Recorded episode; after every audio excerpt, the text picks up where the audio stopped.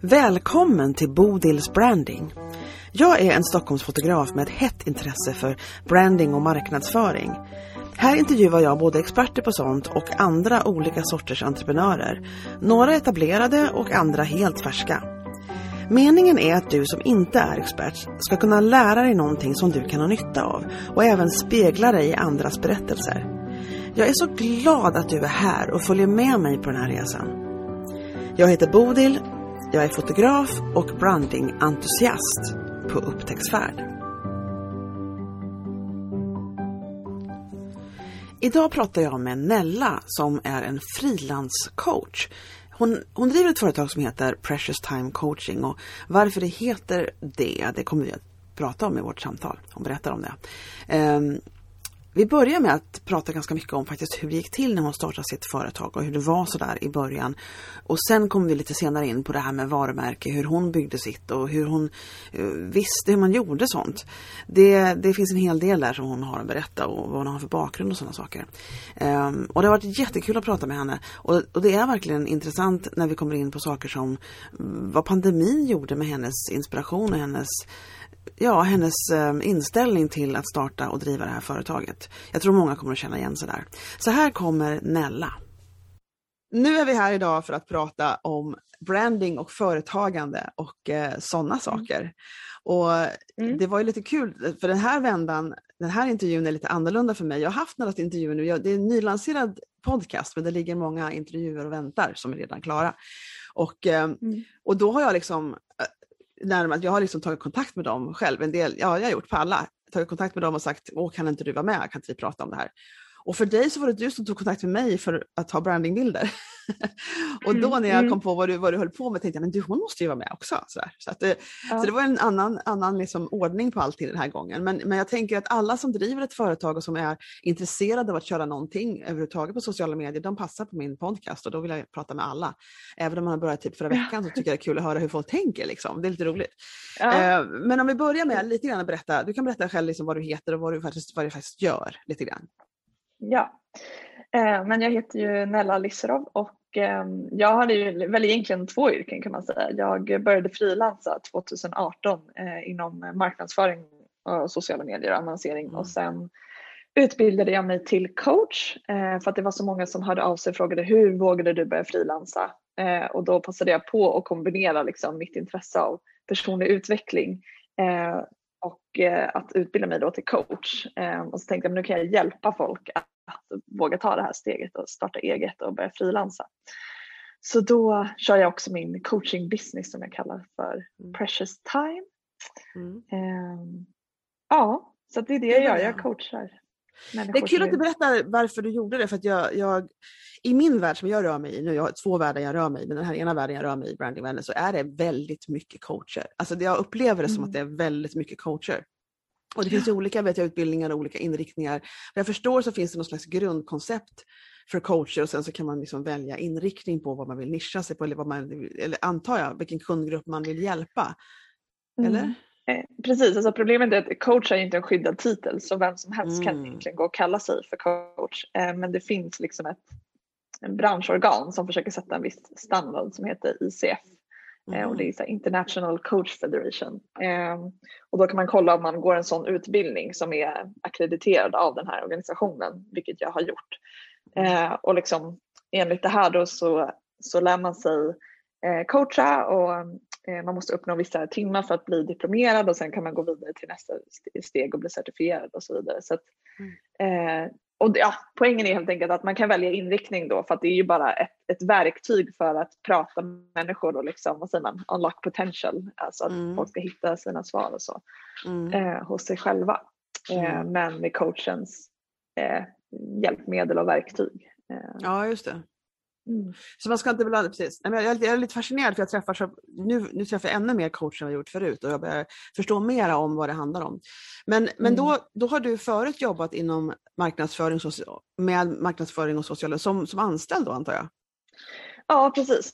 Jag har varit anställd på ja, både byråer och företag. Jag, mm. eh, jag var konsult på Microsoft faktiskt, mitt första jobb efter jag gick på Hyper Island och jobbade med sociala medier där. Och sen gick jag vidare in i olika byråvärdar och jobbade med lite olika kunder eh, och sen kände jag så här med, ja, jag kan göra det här själv. Jag, mm. jag kan hitta kunder själv och, eh, och frilansa inom det här. Um, men vad var det som drev dig då att du ville göra det själv? Vad var det som fick dig liksom känna att men det här är inte, den, den andra världen känns bättre? Ja, alltså det, det är en lång historia. Jag vet inte hur mycket tid vi har men, men du får väl klippa lite om det blir för långdraget. Men, eh, eh Alltså dels så tror jag att jag, jag, mitt första jobb var som sagt på Microsoft och där hade man redan fria arbetstider och, mm. eh, och kunde skypa in på möten eh, och mm. sånt där. Och så att sen när jag gick, som gick vidare in till andra arbetsplatser där det helt plötsligt var fasta arbetstider och, och liksom chefer som hökade på en på olika mm. sätt så blev det så här en jättekontrast för mig. Jag var så här, ja. men hallå, jag vill kunna styra över min tid själv och lita på... Vänta nu, så du började ditt yrkesliv med att ha fria arbetstider? Det är ju verkligen, ja. du, du fick ju sån här lyxstart på liksom att vara anställd och sen blev det den vanliga anställningsformen som många känner igen. Ja. Lite chock för dig då, det är lite kul för det är inte så många som får uppleva det i arbetslivet som du upplevde från mm. början. Mm. Nej, okay. precis. Eh, och det passar ju mig jättebra. Så jag tror att jag alltid haft den liksom, rebellen inom mig som har varit så här, men gud jag vill bara bestämma själv hur jag ska göra. Eh, ja. Och att folk ska lita på att det blir bra. Sen vill jag såklart ja. samarbeta med andra människor och så. Um, nej men så att uh, ja, det finns lite olika historier men jag, jag har inte heller haft de bästa upplevelserna på, på olika arbetsplatser av olika mm. anledningar och kände alltid mm. att det var, det var någonting som skavde och jag ville byta jobb ofta. Mm. Um, och då kände jag att det kanske inte är det här. Jag kanske inte ska vara anställd, det verkar inte passa mig. Jag vill ha andra mm. olika uppgifter och kunna bestämma själv vilka jag ska samarbeta med. Och, ja, det finns bara massa så jag, jag, hör, jag hör mellan raderna, du, du är duktig tycker jag på att summera det här, hallå. Men jag, jag hör liksom mellan raderna att det var ganska mycket jobbiga, alltså det var jobbiga upplevelser med att vara på arbetsplatserna. Och det här var någonting som du kände, det var inte värt det. Det var liksom lite så som var slutsatsen, att det inte är värt det, jag, jag vill köra själv. Ja. Precis. Ja. ja, precis. Så kan man ju sammanfatta det. Um, jag har, har delat lite olika stories på min Instagram om det också om någon är nyfiken. Mm. Ja, ja, det är de säkert. Det tror jag säkert. ja. Och det är många, mycket som folk upp. Det är ju inte smooth sailing på speciellt många arbetsplatser utan det finns mycket grejer. Sen, det, sen så beror det olika på hur, på olika komponenter, bland annat ledning, hur saker och ting utvecklar sig. Men, men jag mm. tycker att, för det, det som är intressant är att det är väldigt många som ger sig in i frilanslivet för att de känner sig låsta i tider och som du säger det finns annat som styr över dem. Jag vet att många som jag följer i USA säger att Åh, jag vill inte bygga en annans dröm, jag vill bygga min egen dröm. Men, här, men det handlar mm. även om, så det kan vara så basic som att jag vill bestämma mitt eget schema. Och, och det ja. låter basic men det är en fantastisk lyx. Det är en mm. frihetskänsla mm. som är ganska svårslagen att vara entreprenör. Ja, men Verkligen och jag tänker också det här med att bara så här, jag behöver inte fråga någon annan om jag kan få ta semester vissa veckor. Det bestämmer jag själv. Jag vet, jag vet. Det är ja. otroligt. Jag måste säga att det, det finns så mycket stress. Alltså, framförallt skulle jag vilja påstå att den enda stressen som kan vara ganska massiv förstås i olika eh, tider är ju att man inte, man måste få kunder, man måste få in sina pengar. Det är ingenting som kommer automatiskt utan man måste hela tiden liksom mm. jobba på, på sitt varumärke som vi faktiskt ska ta och prata mycket om idag. Eh, och se till att det finns en, en att man finns finns närvarande i folks medvetande på olika sätt. Och det här det finns olika vägar att gå självklart. Men, men det är ju stressen att få in pengar till räkningar även som företagare, med andra ord få kunder. Eh, och sen i övrigt så tycker jag inte det finns någon stress alls. I övrigt är det bara kreativt och roligt. och, liksom, ja. Och, och den här frihetskänslan. Som, så det är väldigt kul.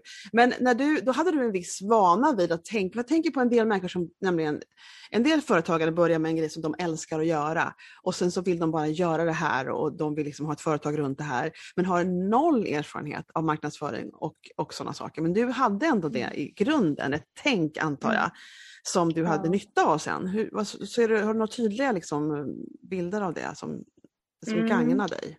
Alltså jag tror i och för sig det som gagnar mig är också att jag hade jobbat inom marknadsföring och hade mycket kontakter från olika ah. arbetsplatser och så här, det hade pluggat inom, alltså människor som jobbade sen på olika ställen. Så att mm.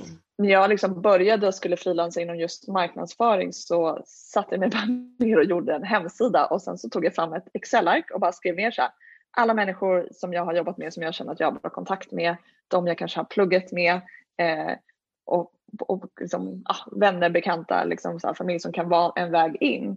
Mm. Eh, och, eh, så jag körde ju verkligen jättemycket genom mitt kontaktnät. Så att jag gjorde mm. min hemsida och sen skrev jag på alla mina sociala kanaler att jag finns tillgänglig för det här och sen så skrev jag, hörde jag även av mig till de så kontakter jag hade och sa hej hej jag börjar frilansa nu, eh, så här, det här kan jag hjälpa till med.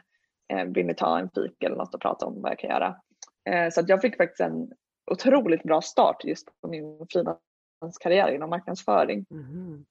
Eh, men det som är utmaningen för mig nu är att nu har jag försökt komma igång med en annan business också som är liksom den här coaching-businessen. Mm. Eh, och det är ju någonting helt nytt för mig för att jag har ju inte Ja. jobbat som coach innan min utbildning och liksom, Nej. eller varit anställd på något ställe som det. Och då ska jag hitta kunder inom det och det är ju det är för mig helt nytt. Det är helt, och hur nytt då? Pratar vi två veckor eller ett halvår? Eh, nej, nej men precis. Jag, jag diplomerades ju i början av 2019 Mm. eh, och då tänkte jag eh, men gud var det 2019? Nej 2020 var det va? Gud, It's a, tiden går it's a blur, it's all a blur. Ja, ja precis. Jag diplomerades i början av 2020 måste det ha varit. Eh, gud, man blir ju helt snurrig nu. Ja, men det är men så. i alla fall. ja. Så då hade jag hittat min inriktning, men jag vill ju hjälpa folk att börja, börja frilansa och starta eget. Och sen så gjorde jag en hemsida och allting och sen så kom den här pandemin och då Jag blev jag vet. vettskrämd själv och tänkte men ingen kommer ju vilja starta eget nu. Nej, det var ju Eh. tajmingen. Det här är, ju- ja, hur upplevde du det? Alltså det? Grejen är den att bara att starta nytt företag överhuvudtaget är ju liksom alltid, det är en lång resa, det är liksom en maratonlopp. Liksom. För en del så Mm. tar det fart med en gång. Jag säger inte att inte de historierna finns, för det gör det. Men eh, Mm. liksom, man måste vara tålmodig och ihärdig liksom, för att bygga upp ett Mm. företag, för att bygga upp en verksamhet och för att bygga upp en kund, kunder, liksom en, ja, en verksamhet som får kunder. Men då så startade du precis i pandemin och det är fler som har gjort. Det är fler som startar Mm. företag just innan pandemin. Mm. Eh, så att hur gick det då? Första året, vad hände? Ja. Ja, första året det var väldigt stekt. Jag tappade liksom lite gnistan och var så här, men gud vad har jag gjort? Alltså jag fortsatte liksom frilansa inom det jag kunde inom marknadsföring och så men Mm. jag tappade liksom lite, lite gnistan helt enkelt Mm. och visste inte så här, vad, vad, vad ska jag göra här? Jag kände mig ganska vilsen och var så här, jaha, så jag får väl lägga det här på hyllan ett tag och, och Mm. vänta tills jag får lite mer inspiration. Mm. Men sen så har det liksom sakta börjat, börjat liksom byggas upp igen eh, för Mm. mig. Eh, liksom Och vad menar du med det, byggas upp igen? Vad, vad hände? Vad Ja, men liksom inspirationen att säga, men gud, jag vill ju faktiskt göra det här. Jag brinner ju för det här. Det är det här jag tycker är kul. Jag ser ju som att Mm, det här är mm. mitt nästa steg. Liksom. Mm. Det är det här jag, jag vill kunna livnära mig på i, i framtiden. Mm. Liksom. Mm. Men också accepterat det som du sa, att det här är ju faktiskt någonting som, som tar lång tid Mm. eh, att bygga upp. Det är inte bara över en natt. Eh, troligen i alla fall som, som man blir uppbokad. Ja. Eh, om ingen vet om att man finns inom en viss genre. Eller liksom så. Jag kan tänka mig att det är samma sak om man är fotograf eller Ja, andra. visst. Visst. I, all, i, alla, för, Eh. alla branscher är det så. Man, det tar tid. Ja. Man måste bygga ett varumärke. Man måste bygga, vilket innebär, och det är klart att det finns, jag är inte expert på det här, jag vet bara att jag har följt väldigt många som är experter. Och det här är grejen tror jag som, som, man, som också inte heller går över en natt. Men, men det är liksom att det måste finnas en, en medvetenhet om att du finns. Och det är någonting som inte händer på kort tid. Och, Mm. och, och försöka vara på så Ja, det är olika skolor, skolor i det här också, att vara på så många ställen som möjligt, inte alls nödvändigt faktiskt. Men, men att det är en ständig ihärdig närvaro. Liksom. Och man, att man liksom försöker komma ut med grejer som man vill prata om. Jag såg en så Mm. bra definition på det här häromdagen som jag tyckte var så enkelt sagt. Och jag är ju glömsk som en, jag vet inte vad, så jag glömmer ju allt jag Nej, egentligen inte, men det känns så. Mm. Eh, Jag, jag, det var någonting om att, att om varumärke är, det är att vara den du är och prata mycket om det du, är, du brinner för. Mm. Var ja. den du är och prata mycket om det du brinner för, passionerad över. Det är Mm. liksom, så bygger man ett varumärke. Det, jag tycker det låter Mm. jättebra. Det låter väldigt Ja. logiskt för mig. ja, och det låter ju också mycket roligare än att, än att tvinga sig själv att prata om saker man inte tycker är kul. Ja, men det är klart. Ja, men det är klart. och Det, det, därför måste man väl hitta sina... Men, men alltså om man... Du säger själv att du... Vet du vad? Det här med att tappa gnistan, det gjorde alla. Mm. Alla tappade Ja. gnistan. Det som det var, vi fick inte resa, vi fick inte gå på bio, vi fick inte gå... Det var mycket roliga saker i livet som togs bort. Och, och man tappar lite energi av det. Så, alltså, Mm. I alla fall sådana som jag som, som eh, går runt på, på att få vara med om sådana där upplevelser och känna att det är så jag laddar. Liksom. Och så var allt det borttaget Mm. som från ett barn på måndag morgon så tar man godis resten av, du får inte först nästa lördag. Liksom ungefär så. Det var ungefär jättejobbigt för mig. Eh, och alla hade den upplevelsen och då tror jag att, att man, eh, ehm, det här med, men, men när, du, när du vaknar till igen, det beror ju på att du är passionerad över det, att du brinner för Mm. det. Att du liksom Mm. ens kom igång igen för du kom liksom ihåg att Nej, men det, här, det är det här jag vill göra. Liksom. Och då finns det ingen Ja. anledning att lägga ner alls. Nej. Precis. Jag tänker också att man får kanske acceptera sådana stunder. Att, att Mm. lite inspiration och eh, motivation kommer kanske lite i vågor också. Ja. Att man kanske får acceptera ibland att det betyder inte att man ger upp men man kanske tar en liten paus och samlar energi och liksom kan man göra. fokuserar om. Det kan man göra. Mm. Ja, det där är intressant också. För att det, det är som du säger, man får inte vara så taskig mot sig själv att man kräver hög prestering hela tiden. Eh, Mm. Vad nu det betyder för en, det är olika för olika människor tror jag. Men, men jag tror att man, det finns ju saker man kan göra. När du säger så här, ta en paus, för det, det är lite ihärdigt det här meddelandet som kommer från sådana som utbildar inom sociala medier och marknadsföring, att man, Mm. får, att man kan inte ta så jävla mycket paus när man är på sociala Mm, medier, utan mm. man ska hela tiden Mm. var, var, varje vecka, helst varje dag ska man vara där. Och hur gör man då Mm. när, man liksom, när det händer saker i ens liv och man inte orkar? Och då tänker jag på att det finns, liksom, det finns faktiskt verktyg för det här. Man kan förplanera och för, för eh, inte publicera utan lägga upp i en pipeline saker som, som än- ändå kommer ut på sociala medier. Jag vet folk som har tagit semester i två veckor men det ser ut som de sitter på sin Mm. kammare och spottar ut grejer hela tiden för de har gjort det innan. Och det här tycker jag det, det, det, det är extremt bra för det kan hända saker och då är det ändå bra att man ändå finns där. Har du, använder du något sånt, något sånt verktyg? Eller? Eh, alltså jag använde det jättemycket när jag var anställd. Särskilt Ja. när man skulle iväg på semester och så, så Ja. scheman var ju väldigt mycket. Eh, och just nu så använder jag inget verktyg för att schemalägga för mig själv. Men däremot så har jag liksom också börjat bygga upp och liksom förbereda ämnen Mm. och content och saker Mm. som jag ja, Mm. färdigskriver vissa grejer innan. Eh, men sen så lämnar jag också liksom utrymme för att så här, de här spontana grejerna eller Ja. idéerna som jag kommer på.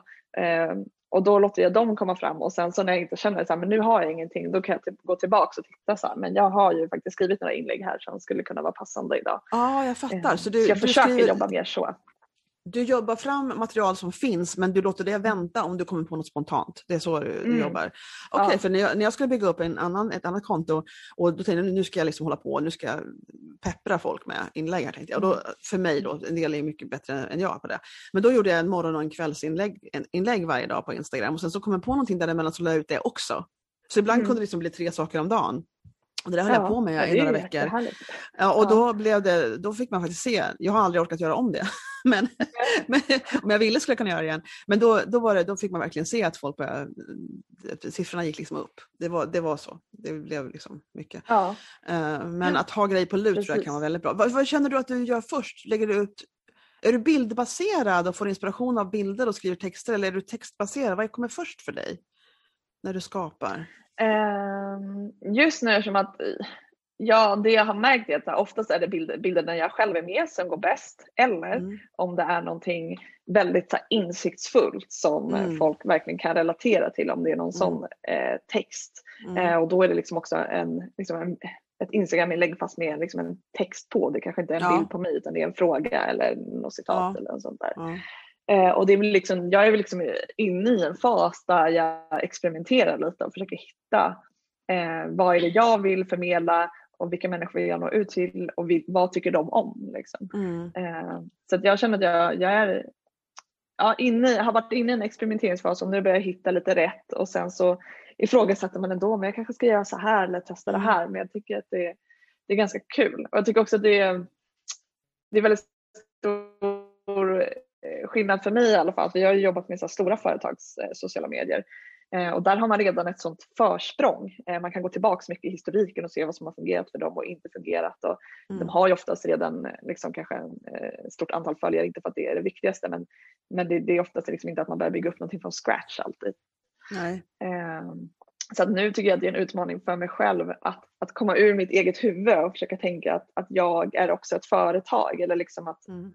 Jag har svårt att ta till mig mina egna tips och tricks. Att så här, nu ska jag stå för det här och det känns ju kanske läskigare för mig än att vara bak, skyddad bakom ett stort varumärke till exempel. Just det. Mm.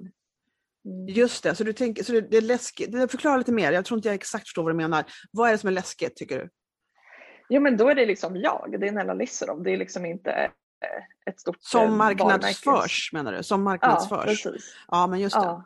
Ja, men det är ju en klassiker. Det här är jättevanligt. Mm. Att folk tänker att inte ska, inte, ska, ja, inte ska jag. Ja. Ja, men det tror jag, att, att våga synas mycket är ju någonting som inte faller alla naturligt. Liksom, att göra det. Mm. Och, och, jag tror att det är, det är lite ironiskt för att jag har inte så mycket bilder på mig själv i mitt flöde, för jag fotograferar andra människor och, och måste göra det själv. Min man fotar också, jag ska bara försöka rycka loss honom lite oftare och fota mig. Men, men jag tror verkligen på att om man är med mycket, så, för jag märker också på en annan kanal jag har, där jag har bilder på mig själv så på olika sätt, jag har en speciell grej jag gör där, så är det liksom, det, det är alltid mycket likes på det. Det är intressant, man tycker mm. själv inte man borde vara med så mycket, men det är det som är, det är det folk gillar. Det är bara det är intressant. Ja, och det är ju ganska, det är ju ganska logiskt när man tänker efter att vi relaterar ju till människor, vi relaterar inte till företag liksom, utan Nej. man vill ju se människan bakom allting. Ja, det vill man verkligen. Det vill man faktiskt. Ja. Alltså jag tycker om citat, jag tycker om texter, jag tycker om citat, jag tycker om mm. tankevärda ord och jag tycker om också scener, bara spontana behind the scenes som man säger, vanliga livet grejer. Men mm. eh, man vill verkligen se vilken människa, jag blir nästan lite irriterad, inte irriterad på ett, på ett uh, cranky sätt, men liksom jag blir lite frustrerad, eller undrar, jag vet inte vad ordet ska vara, irriterad känns lite nägig, men alltså jag blir frustrerad när jag ser ett helt flöde och inte en människa.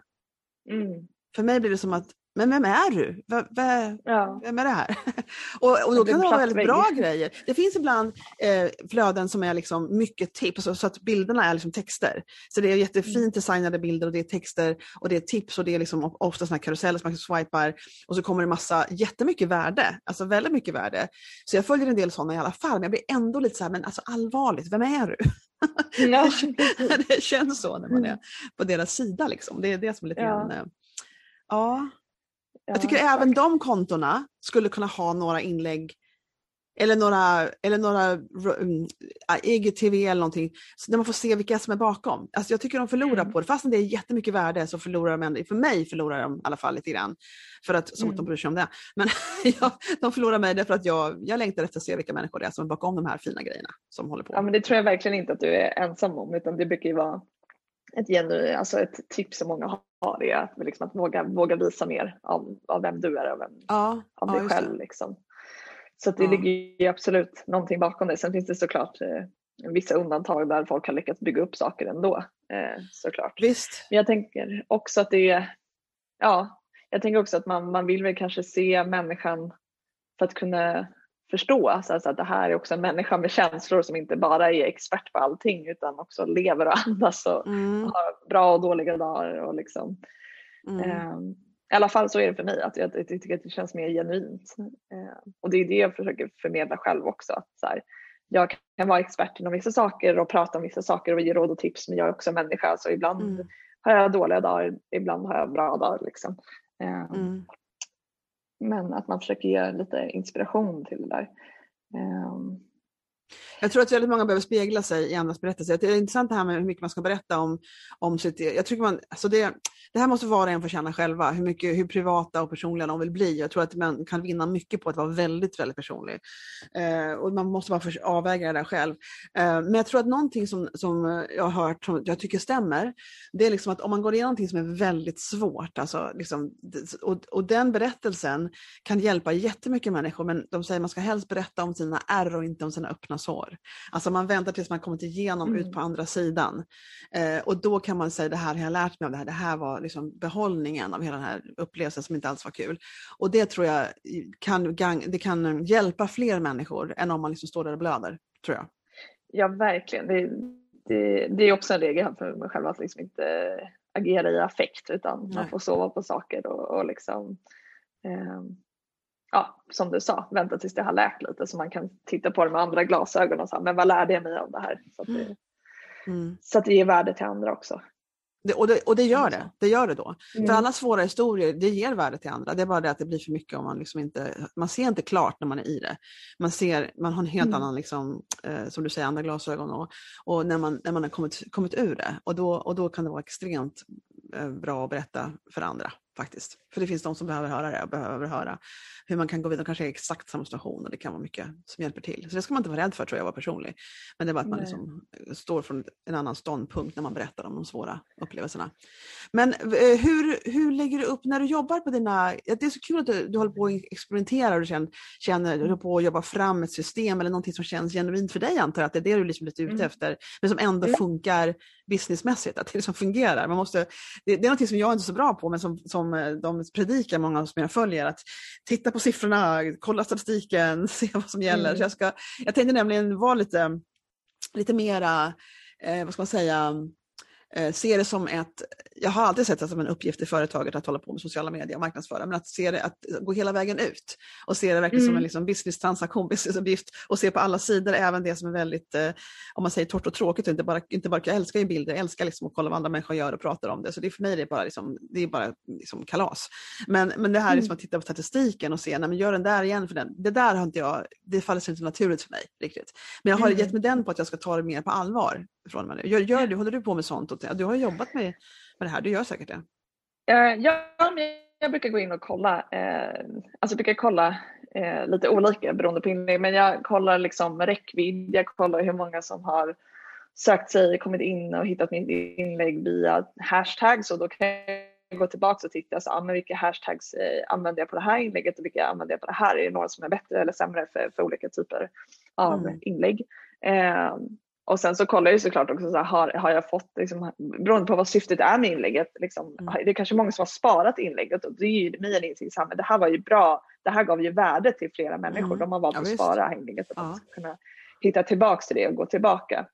Och det tycker jag är en jättevärdefull insikt för mig till exempel som jobbar med coaching, att, att jag vill ge värde och kunna ge tips och insikter och inspiration, så det är liksom en viktig, viktig grej för mig. Men det kan ju också vara så här att, att skapa en diskussion um, och eh, ja, helt enkelt se vad det är som man får mycket räckvidd på och om folk väljer att liksom likea eller spara eller kommentera. Mm. Eh, så man får mm. liksom lägga ihop det lite och det är liksom lite det jag håller på att experimentera kring. Ehm, ja.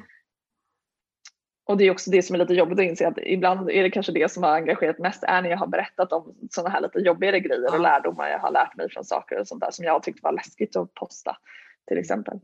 Eh, men så får man ändå ett kvitto på att så, ah, men det här funkar ju faktiskt och då kanske man vågar lite mer nästa gång. Absolut. Jag var inne på mm. LinkedIn och såg ett inlägg från en kvinna som pratade om att hon hade blivit misshandlad av sin man. Hon var inte i det, hon var för långt förbi det. Men hon, hade liksom, hon berättade om jag, är inte, jag håller på att försöka erövra LinkedIn, det är också en sån plan jag har, att där ska jag liksom vara mycket, mycket större och starkare. Mm. Eh, men då såg jag inlägget och då så sa hon nu att jag har redan skrivit om det här en gång men tog bort det för jag kände att det här passar inte på LinkedIn och vad ska mina kunder säga, vad ska mina, hennes image liksom. Vad kommer den mm. liksom att få av att, så skammen fanns fast det, som alla säger, det är inte hennes skam men ändå finså den där, det är väldigt svårt att komma över. Så hon var jätterädd att mm. posta det och framförallt på LinkedIn. För det är inte det som mm. händer på LinkedIn oftast. Men alltså hon fick så mycket bra gensvar så det var inte klokt alltså. Mm. Och hon, mm. jag, jag läste allihopa, det var typ 350 stycken. Eh, vid det lag, det är säkert mycket, mycket, mycket mer nu. Och det där tänker jag att ibland så har man liksom fördomar, för vi är alla människor, man har fördomar om vad det är som gör att folk liksom, man framkallar ett gensvar, något som är värdefullt för människor. För det här är något, jag tror man kan eh, man, man, kan fastna i att man har en bild av hur någonting är och hur någonting kan mottas och sen så är det bara inte sant helt enkelt, för vi är mm. alla människor och vi glömmer det. Och, och det, det, är det här som jag försöker komma över. Jag har ju ett samtal som redan är inspelat med Tina Lindahl som, som uh, utbildar mycket inom LinkedIn och uh, hon pratar om det som ett affärsmöte eller som ett businessmingel, liksom, ungefär. Mm. Att det är mm. väldigt inriktat på affärer och så. Och hur skulle man vara där? Och då tänker jag, jag skulle mm. inte stå med mitt kaffe och prata om att jag blev misshandlad av min man. Det skulle jag inte göra. Mm. Och ändå blev det så bra. Så att jag tänker mm. ibland att man, man får nog lite grann, det är bra att, att lära sig om ett koncept eller ett ställe och lite grann lära sig hur reglerna är och sen får man liksom lov att tweaka det enligt sin egen personlighet. Man måste ändå vara sig själv. Liksom. Ja, precis. Ja, exakt. Eh, det är alltid så svårt tycker jag också, så här, skillnad på att vara personlig och privat. Jag tänker att det är det är ganska modigt att då ställa sig på en sån scen eller vad man ska kalla det på LinkedIn och våga prata om någonting sånt. Jag tänker att man får väl göra en avvägning själv där. Så här, om det här är viktigt ja. för mig, jag tror att det finns viktiga lärdomar för andra här också. Och våga liksom, vad säger man, bryta igenom den väggen och bara så här, men jag testar. Eh, ja. Och sen så blir man ju så här påmind om att, så men det är ju faktiskt människor här också som har olika erfarenheter och grejer i bagaget. Ja. Som, kan ja, relatera till det här också jag tror att om man håller sig på två stycken saker som, som det här med att, att avväga själv, jag har sagt i flera intervjuer nu, men jag tycker det är så himla bra att man, om man, om man, det man kan berätta för främlingen bredvid sig på liksom en långresa, plan eller då, det, det kan man även berätta på Instagram, men det man inte vill berätta för den främlingen berättar mm. man inte. Och, då, och sen så den andra saken, det så man får liksom testa och se, och så framförallt också att, att inte stå med öppna sår utan prata om det i efterskott. Liksom. Det, det ja. tror jag, då tror jag man är ganska trygg med att det blir mänskliga gensvar och att man får mycket cred för det tror jag. Ja, det tror jag också. Mm. Mm. Ja, nej, men det, Mm. det är svårt ibland att vara, att vara öppen och, och, och um, vulnerable, vad säger man? Vad heter Mm. vulnerable på svenska? Sår, sårbar. Tack, sårbar heter det. Just det. Precis. För det är väl mycket det här att man är den man är, om man är människa och att, att folk relaterar till det. Liksom. Men nu har du precis, Mm. så du känner nu att nu har du hållit på att bygga upp den här um, nya coachingverksamheten och vill göra ditt namn inom detta. Eh, och du har Mm. valt inriktningen frilanscoach. Det Mm. framgår inte av Instagram-namnet men, men, det, men det är ganska bra kopplat för Precious Time, det är det som alla klagar över det här med mycket tid man har till Ja. saker. Så att någonstans hör det ihop. Precis. Ja, exakt. Det var, var lite det jag tänkte. Att så här, men gud, eh, vad jag vet så har jag bara en tid på, på jorden just nu och jag vill liksom vara varsam med den tiden. Mm, Så att tid är vi- viktigt för mig. Vad jag lägger min energi. Eh, är det på jobb? Är det med vänner och familj? Med mina fritidsintressen? Eh, och att liksom tiden är värdefull och att man inte ska spendera den på saker som inte är viktigt för en själv, tycker jag. Så Mm. lite därifrån kom, kom namnet. Hur länge har du Mm. känt så? Hur länge har du haft den liksom, tanken att så, ska, borde, så borde jag leva mitt liv? Hur länge har det funnits? Sådär uttalat menar jag. Ja, jo. Ja, hur länge har det funnits? Det är en bra fråga. Jag tror att det liksom har, har funnits inom mig ganska länge i och med den här frustrationen jag hade på vissa arbetsplatser. Att så här, fasen kan jag inte bara, jag är klar med det här jobbet, ska jag straffas för att jag är snabb på mitt jobb? Måste sitta kvar till klockan fem. Ja. Eh, det, det är liksom, just nu är liksom arbetslivet som anställd liksom lite uppbyggt på det när det är så fasta arbetstider. Att så här, Mm. Jaha, men idag blev jag klar tre timmar tidigare. Jag har gjort allt jag behöver göra idag. Då blir man liksom, liksom straffad på att man är effektiv och bra på sitt jobb. Eh, och ska man sitta och sega istället bara för att, för att man ändå inte får gå förrän klockan fem. Liksom. Ah, Det låter helt omänskligt när du säger sådär. Ja, det är jättekonstigt. Det är fel, det ska inte vara så. Beroende på vilken arbetsuppgift Ja. man har. Ja, och då, Ja. det så då där det växte fram kände du att det här med att du... Ja, det är intressant. Så precious time är väldigt, det är ett extremt värdefullt ord för dig med andra ord.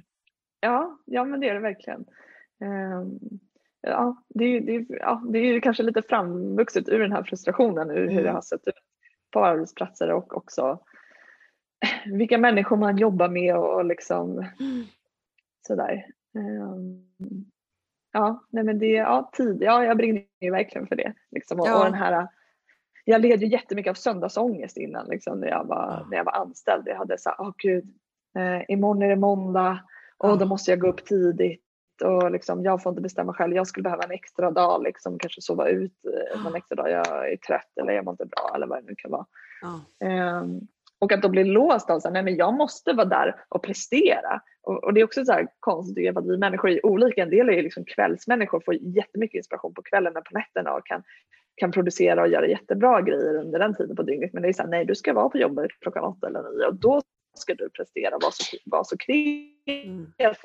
Jag tycker också det är konstigt, man kan, det är liksom väldigt svårt att vara kreativ på beställning mellan vissa klockslag. Ja. Ja. Så att, eh, ja, det, det finns mycket tankar jag har kring, kring det. Det förstår jag att du har och det, jag förstår det. Det låter verkligen som en, ditt ord eller din, en, em, ett koncept som du värnar om, som du har tänkt mycket om, som du säger, omkring. Och jag tror att, jag tror att folk inte tänker tillräckligt om det. Utan Mm. Ja. det, är, det, det är väldigt mycket liksom, vi kör på samma. Men, men vi, jag är extremt eh, ödmjuk och med- medveten om eh, att vi alla är olika. Vi går igång på olika saker, olika saker är värdefulla för oss. Eh, Det finns liksom ingen mall för det här. Men jag tror att någonting som är svårt för människor och som jag tycker att, det var därför jag undrade lite grann hur länge jag har tänkt så här, det är liksom att, att den här insikten man har i livet om hur man vill leva sitt liv, det är ingenting som man liksom det är inte så himla lätt att komma fram till, men det föds ju av erfarenheter. Om man tänker att Jaha, det där var inte bra, det vill jag inte vara med om igen. Det- är så det är, Mm. det blir liksom en, en väg som banas av det vi är med om, det vi, upp, känslor vi har haft i samband med, med erfarenheter. Mm. Um, så att det, men, men då är det fler som, och då, kan man, då är det lätt hänt att även om man har kommit fram till att det här tycker inte jag om så um, värdesätter man inte det tillräckligt mycket för att liksom våga ta steget att ändra på det. Och det kan bero Mm. på massa olika saker det också, jag tror vi är, människan är komplicerad. Men, men eh, jag tror att, att, att många frågade dig, hur vågar du bli frilansare? Det förstår jag. Att de Mm, frågade. mm. För det finns en trygghetsfaktor i att vara anställd och att lönen kommer den 26 eller 25 eller vad det nu är. Ja. Måste ju du ha mött Precis. mycket. ja, verkligen. Och jag tänker också så- jag tyckte du nämnde in också, det är en lång process för de flesta också mm. här, att ta beslutet. Att, det vet jag själv, jag tänkte jättemycket. Det var inte som att jag bara visste från när jag var jätteliten att jag ska bli egenföretagare eller frilansare. Liksom. Eh, men jag hade ja, någon kompis som sa till mig att du kanske bara ska bli egen och säga upp det och starta eget. Jag bara, nej men det går inte. Jag hade ju samma rädslor och tankar ja. som alla andra. Så här, hur, hur ska det gå? Så jag, jag tror att det Alltså det sås ett litet frö och sen får det liksom marinera lite ja. i en själv under en längre tid tills man liksom får nog. Och bara säga nej det här, det här funkar inte för mig längre, jag måste hitta en annan väg. Eh, och sen så tänkte jag också att vad är det värsta som kan hända? Alltså om jag, om jag säger upp mig eller eh, inte förlorar mitt jobb på olika sätt och väljer att gå min egen väg. Vad är det värsta som kan hända? Ja, men det är att jag får söka ett jobb. Ja men exakt. Det är ju så lätt att börja tänka att, tänka att så här, men då, då börjar man hamna i så katastroftankar. Att så här, mm. men då får jag inga pengar, då kan jag inte få någon mat och sen kan jag inte bo kvar där jag bor. Och så, liksom, det är ju ganska många steg innan det ska man hinner ju få ganska många varningsklockor om man vet innan man liksom hamnar på gatan oftast. Um, så, så lever man ett hyfsat privilegierat liv och har vänner och familj runt sig och, mm. och sådär så, så tycker jag att man ska prova. För att det värsta som kan hända är att du får söka en anställning igen. Ja men absolut, och det här är väl någonting som jag också har sagt flera gånger, att, det är väldigt få beslut i livet som är oåterkalleliga. Man kan liksom mm. ändra sig och man kan gå tillbaka till någonting annat. Och, och, det har jag blivit snällare med mig själv med, för ibland tänker man att man, för det finns, en, det finns ju liksom en, en um, misslyckande eh, ingrediens där. Att jag misslyckades mm. med min stora plan att bli frilans eller vad det nu är man har planerat att göra. Mm. Eh, och det här tycker jag man får liksom klippa. Jag, jag gav mig in på en grej nyligen, nyligen, verkligen nyligen. Men som jag, att jag tog eh, handling, handlade och gick in att nu ska jag bygga upp den här grejen. Och har tänkt på det länge, riktigt länge, för jag har följt andra som har gjort det. Och sen så när jag höll på med det och fick lite gensvar på grejer och jag höll på att inse, nej det här är inte alls vad jag ska göra. Det är helt fel. Mm. och, då, och istället för, då har jag fortfarande liksom en, en medlemskapsgrej jag betalar på typ, typ ett halvår till. Men det är som att mm. jag skiter i det, det här är inte för mig, jag, jag ser ljuset, det här är inte vad jag ska mm. göra. Det var något annat bara. Men jag hade det som en övertygelse om att det skulle vara min grej framöver och det var nej. Och, det, och för ja. mig är det okej. Okay. Jag har liksom bestämt mig för att nej, det, det är okej, okay. jag kommer inte med på några mer möten, jag kommer inte, det här är inte min grej längre. Jag, jag mm. gör något annat. Och det känns ja. jätteskönt. Och, det, och, då, och då får man släppa det här liksom med att man, att man skulle, att det, för det kan se ut, ytligt så kan det se ut som att man liksom ger upp för att det är svårt. Eller ger upp mm. för att det liksom, eh, att man liksom är en quitter som man säger, som är det mm. värsta man kan vara tydligen. Mm. Eh, och ibland är, att vara en quitter det bästa du någonsin kan göra. När du känner liksom att det här är inte rätt, då mm. släpper du det och gör något annat. Mm. Liksom. Det är okej. Okay. Ja.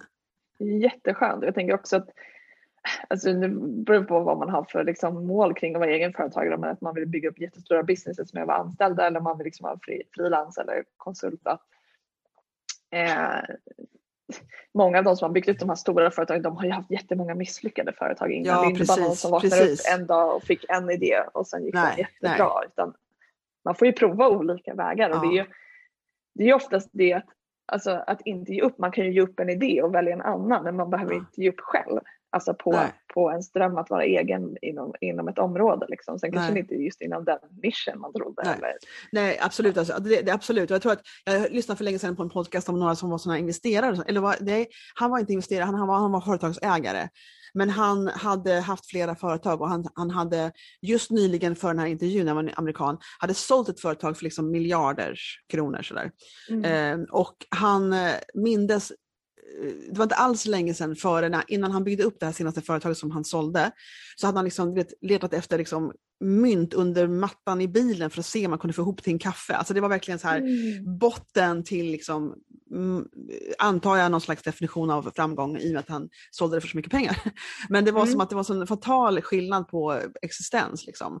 Och han sa att det, jag känner många såna här invester som investerar i företag för att själva då förstås göra pengar, men investera. Och de säger att de investerar av princip inte i förstagångsföretagare. Mm. De, ja. de, och de letar efter folk som har gått i konkurs. Flera mm. gånger gärna. Därför att man lär sig så extremt mycket av det. Mm. Så när man efter de här konkurserna och den här vägen, det är en tuff väg alltså, men efter det, då är man liksom formad till någon slags ultimat företagsdrivare för man har varit med om så mycket katastrofer. Och då vet man, ja. det där var, alltså man, man har lärt sig så mycket helt enkelt, är egentligen kontentan. Och, och då, mm. då är man värd att liksom för dem då, för de här människorna, att investera i. För då vet de att här kommer det att, alltså potentialen är väldigt stor när man har misslyckats. Det är, det är ju en super, ja men verkligen, det är ju en superviktig insikt. Jag tänker så att det är ju det som de flesta, alltså även jag, man är ju så rädd för att misslyckas. Men vad är ett misslyckande? Mm. För att du kanske mm. får med dig så himla viktiga lärdomar mm. som kommer hjälpa dig framåt mm. eh, ändå. Så jag tänker mm. också att man kan, man kan ifrågasätta, ifrågasätta sin syn på vad ett misslyckande är ibland. Mm. Liksom. Ja det kan man verkligen göra och det tycker jag folk ska tänka till ordentligt på och, och försöka liksom definiera sin egen. Och, och, och, det som du säger, att få självinsikt är ganska svårt. Att få en ordentlig självinsikt på massa olika saker, vad man, vad man vill göra, vad som gör en lycklig, vad som gör en olycklig, eh, hur man liksom ska forma sitt liv, hur man ska leva för att man ska vara maxat lycklig, är väl egentligen målet. Ja, så, ja. så, så, får man liksom se till att, äh, att bygga det på ett sätt utan att vara rädd för vad andra säger. Och allt så där. Det finns mycket att tänka på runt det här. Men, mm. äh, och det här är ju grejen som jag märker när jag har de här intervjuerna, att liksom, jag är så intresserad av entreprenörskap och, och, det, och, det är bara liksom, och marknadsföring. Och, och, det heter Bovis branding därför att jag vet att många som startar företag kan känna sig överväldigade när de, faktiskt egentligen mer när de inser hur mycket de måste jobba på det. Hur mycket de måste jobba på mm. marknadsföringen och sociala medier. De tänker att det ska gå bra, bara jag målar en snygg tavla ska det nog gå bra. Då säljer vi. Mm. det här är ja. som, och när man börjar inse hela grejen, hur mycket man måste, hur mycket man måste se det som en stor del av sitt företagande, så blir en del överväldigade och det har mött mm. många. Och då, därför ville jag ha den här podcasten och prata om branding och prata mer om kanske tricks och tips och kanske prata om hur andra gör sin branding eller, eller absolut prata med andra hur de gör sin branding och sitt varumärkesbyggande. Men det går inte att det här är grejen med entreprenörskap, det är som sammanvävt med livet, det är livsfrågor. Entreprenörskap är livsfrågor. Liksom. Eh, och, eh, och hur man marknadsför sitt företag, allting vävs ihop. Så det är svårt att bara prata Instagram en timme. Man kommer in ja. på andra saker. Ja, ja precis. Ja, vi har hamnat lite på lite andra grejer här också. Ja, men det är precis som det ska vara. Jag känner att det är, det är mm. organiskt, känns jätte, jätte, jättebra. Det känns rätt. Eh, ja. Men nu har vi pratat i nästan en timme du och jag. Vi kom igång lite sent men det är väl sådär. Mm. Och vi får väl återkomma för jag tror vi har, det känns alltid när jag slutar så känns det som att jag bara har skrapat på ytan liksom, av det. Ja. Ja. Som man skulle kunna prata om. Men, men jag skulle framförallt inte glömma av att um, du får berätta vart de hittar dig någonstans. Vart du finns. Säg ja. alla, dina, alla webbadresser och alla handles och allt det där. Ja, eh, man hittar min Instagram på Precious Time Coaching. Det är ett långt namn men kom ihåg Precious Time så brukar det nog komma upp. Precious Time Coaching. Och sen hemsidan är också precioutimecoaching.se. Så där kan man hitta mig. Sen. Ja. Precious Time Coaching. Mm. Eh, bra, men då så. Eh, då tänker jag att vi avslutar för idag, du och jag. Yeah. Och så får jag ta en sån här revival på dig i ett senare tillfälle. göra. Part 2 yeah. av Nella får vi köra yeah. en annan gång. Kul! Ja. Tack så mycket! Jättekul, tack, ja. tack för att jag fick vara med. Ja, hej då! Ja, ett stort tack till Nella för att hon ville vara med och spendera tid med mig på, på den här podcasten. Det är jag verkligen jätteglad glad över. Och jag, jag tycker det blev många delar i samtalet som jag tror att många kan känna igen sig i. Eh, alla har de här energidipparna och tycker att saker kan kännas hopplösa men ändå liksom någonstans hittar sin väg tillbaka. Eller snart kanske, även om det inte är så just nu, så hittar man sin väg tillbaka för att man faktiskt brinner så mycket för det som man vill hålla på med. Eh, ja, jag hoppas du får inspiration, hoppas du har lärt någonting, du som lyssnar och eh, jag hoppas du kommer tillbaka nästa lördag och lyssnar igen. Eh, vill du kika in på vart jag håller hus innan dess så finns jag på Instagram på brandingyou.stockholm och min hemsida för brandingfotografering det är brandingyou.se. Välkommen igen till podcasten nästa lördag. Tack så hemskt mycket för att du var här.